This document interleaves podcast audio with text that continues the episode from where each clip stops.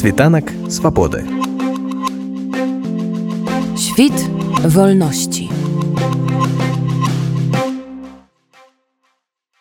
Як азначыў вядучы лекцыі дыскусіі гродзенскі гісторык Алесь Кіркевіч, на тэрыторыі сучаснага падляжскага вайводства Польшы былі не толькі славяне, але і балты, готы, вікінгі.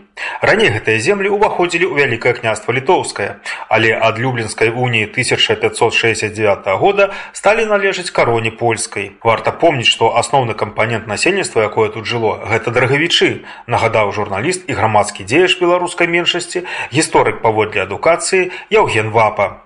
Ён азначыў, што цяперашняя назва падляшша, прымененая да ваяводства, ёсць фальшывай. Таму што падляшша ўваходзіць у скład сёння ваяводства падляскага маем значную частку Мазові, маем Курпёўшчыну, якая ёсць вогуле ніколі не была звязана эмацыянальна тым, а вялікае падляшша, якое скончылася po 1895 гоdzie skończyła się mianowita z podziałami III Rzeczpospolitej. Podlasze wielkie, jak te ziemie, jakieś na południowym, Podlasze, jakie już zaraz absolutnie polskim, i to już, to jest mianowita czastka wielka pod Podlasze, tam gdzie była Podlaskie, Lublińskie, województwo, które tam się haje, to to już mianowita Podlasze południowe, która chodziła tutaj. Tutaj, co my mamy z tej boku, jak Sakołki w bok, to są społeczność zabielsk, my mamy e, czaski, bo jeszcze nazywają się Kobycka Brachiczaska Achniawstwa, tam możemy budować to prawo dnia, inne rzeczy, a e, od północy mają e, resztki radziecka Achniawstwa, u takim wymiarenie, ale u sensie jak stwarzać, mówić pro Podlasze, no powinna poszła administracyjna reforma, jaka stworzyła wielkie obowiązki tam Białostocka, Łomżyńska, Suwalska, i to było Polskie, co prawda je. Nazwać Podlaszam, Suwałku i Łomżyn, to to te ludzie nadnerwują. Nie my, bo my jeszcze w tym wypadku, my już ekspansję zrobili, tak, nie na swoje terytorie. To z punktu widzenia ekspansjonizmu, to nazwa dobra, ale Suwalszczyna i Łomżyńska ziemia nikogo niczego supolnego z Podlaszem nie mieli, Такім чынам, толькі меншая частка гістарычнага падляшша знаходзіцца цяпер на тэрыторыі падляшскага ваяводства. Ды ў беларускай гістарычнай навуцы яно разглядаецца як гістарычная вобласць на захадзе этнічнай тэрыторыі беларусаў у басейне заходняга буга і нарава. Нягледзячы на тое, што тэмай першай лекцыі была гісторыя падляшша, падчас размовы былі закранутыя розныя пытанні, якія тычыліся нават два стагоддзя.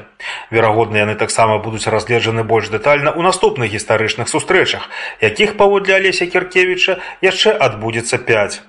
Дарэчы, тэмы размоў аб беларускасці на падляшы дазволяць больш зблізіць беларускую меншасць і беларускую дыяспару, заявіў нашаму радыё вядучы пасля дыскусіі тэму ў тым каб налажваць масты паміж менавіта этнічнымі беларусамі і тымі беларусамі якія прыехалі таму што я калі сам прыехаў год таму я адчуваў так і па асяродках па кампаніях людзей што ёсць такі халадок паміж мясцовымі беларусамі і прыехаўшымі. Ёсць такі вось маўляў некая такая холодная сцяна паміж гэтымі людзьмі і мне было б цікава разам разбіраць разбіраць нейкія канфліктныя спрэчныя моманты што як і менавіта патлумачыць самому таксама цікава прыйсці да нейкай агульнай высновы што ж такое падляша хто такі людзі якія тут жывуць якая атмасфера і дух гэтай зямлі Таму мы пачалі такую серыю дыскусіяў. Гэта першая прысвечаная была гісторыя менавіта падляшым падвялі такія старадаўнія да. Але мы так тэзісна яе закранули але асноўным сканцэнтраваліся на пытаннях ужо такіх часоў нацыі то бок 19 20 стагоддзя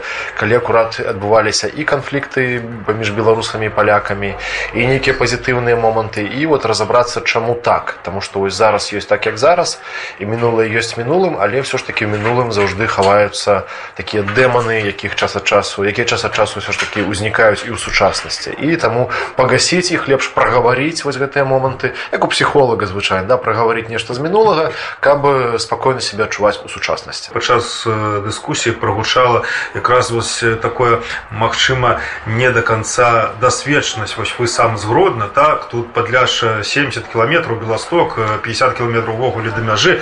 Але вы у гродні амаль што нічога пра яго не ведаеце ні пра яго гісторыю я кажу не менавіта пра вас а пра людзей якіх якія там жывуць ці будзе цяпер для тых хто тут много гродзенцаў гэта цікава як вы лічыце А это зразумела чаму людзі не ведаюць я шмат чаго не ведаю таму што у нас была такой эфект адрэзанасці дыяспоры то бок нармальныя краіны нармальныя краіны яны функцыянуюць у рэжыме што ёсць краіна а ёсць дыяспора я вот не памятаю дзе мы нават в армении ёсць міністэрства дыяспоры тому что шмат армянаў жыве за мяжой і там это вельмі важное пытанне беларусі вот ёсць Беларусь маўляў А што што беларусы жывуць там на падляшшы ці ў літве ці ў штатах. Гэта заўжды вот калі я вучыўся ў школе в універсітэце гэта нават не прагаворвалася. Ну можа быть нехта там жыве нехта з'ехаў ну і хай сабе з'ехалі на заробкі это не наша не нашая справа. Але гэта вялікае занядбанне і гэта вельмі вялікая праблема. І вось волей неволей апынуўшыся тут зараз тут тысячи і тысячи і тысячи беларусаў вот і ў польльше у літве на падляшшу прыватнасці. І зараз мы волей неволем спазнаем і долю гэтых вот беларусаў якія жылі спрадвек за мяжой і самі апынуўшыся дыяспорай вот самы парасэнсовым як гэта было ў ранейшым жыць беларусамі не ў беларусі. І як это ёсць у сучаснасці гэта вельмі важна на мой погляд. Яно не разлічана на нейкія сотні людзей гэтая дыскусія то бок гэта акурат фішка в тым каб это быў камерны фармат каб людзі не сароміліся выказвацца потому что мы паралельна читаем лекцыі на бірент гістары на гістарычным клубе. І ну досвед такі что беларусы вельмі часам часто саромеюцца выказаць сваю думку. То бок да такі стэеотып мы все ведаем але нічога нікому про это не скажем Вось. І мажліва такая камернасць калі людзі сядзяць за агульным столом а не не нейкі фармат лекцыі яны будуць спанукаць людзей размаўляць паміж сабой. Ці падчас дыскусіі якая дарэч транслюецца от онлайн ці ўжо пасля вось будуць просто разбредацца нейкімі групамі ці паасобку ці прынамсі самі задумаюцца над нейкімі момантамі якія прагучалі падчас гэтай размовы. Сёння прайшло першае яшчэ 5 пра што яны будуць можна анансаваць што будзе адназначна пра мову будзе пра канфесію і будуць таксама пра традыцыю ось розныя такія вот вонкі разбіраць праграма плаваючая мы зараз не скажам адразу все шесть пунктаў то бок мы будзем мадэраваць зноў жа згодна тым інтарэсам якія будуць выказваць людзі але агулам прагаварыць гэты рэгіён і вось гісторыя яно было першым зразумела мы не будзем гаварыць пра экалогію клімат падляша але нас цікавіць менавіта чалавек чалавечыя справы людскія справы в этом рэгіёне. Беластоцкія падляшскія гісторыкі ці будуць яны запрашацца вось для выказвання сваіх меркаванняў?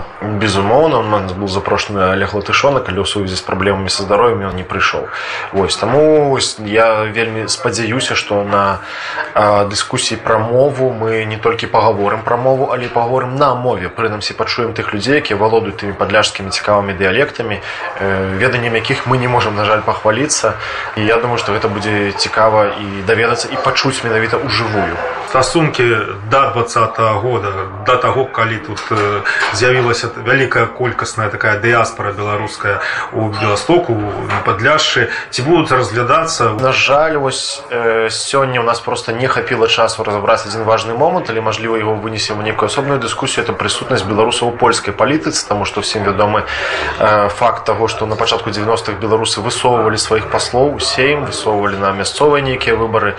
Але кожны раз гэта сканчалася неудачай і мне самому вельмі цікава зразумець чаму.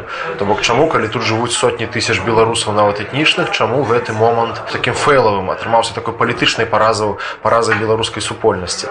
Ну і зноў жа э, чаму хто нам замінае думаць пра будучыню то бок будучыня беларусаў тут тут. То бок нават калі беларускае пытанне ў беларусі вырашыцца вырашыцца ў станоўчым ключы і мы будзем мець дэмакратычную беларускую Беларусь частка беларусаў застанецца тут не трэба мець ілюзіяў.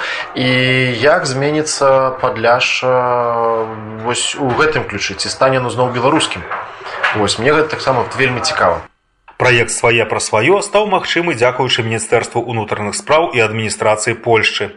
Партнёрамі гісторыкаў выступілі радыёрацыя, каворкінг, мост медыяпорт і фонд камунікат. Лекцыі дыскусіі мяркуюцца праводзіць раз на тыдзень да чэрвеня. Світанак свабоды. Świt wolności.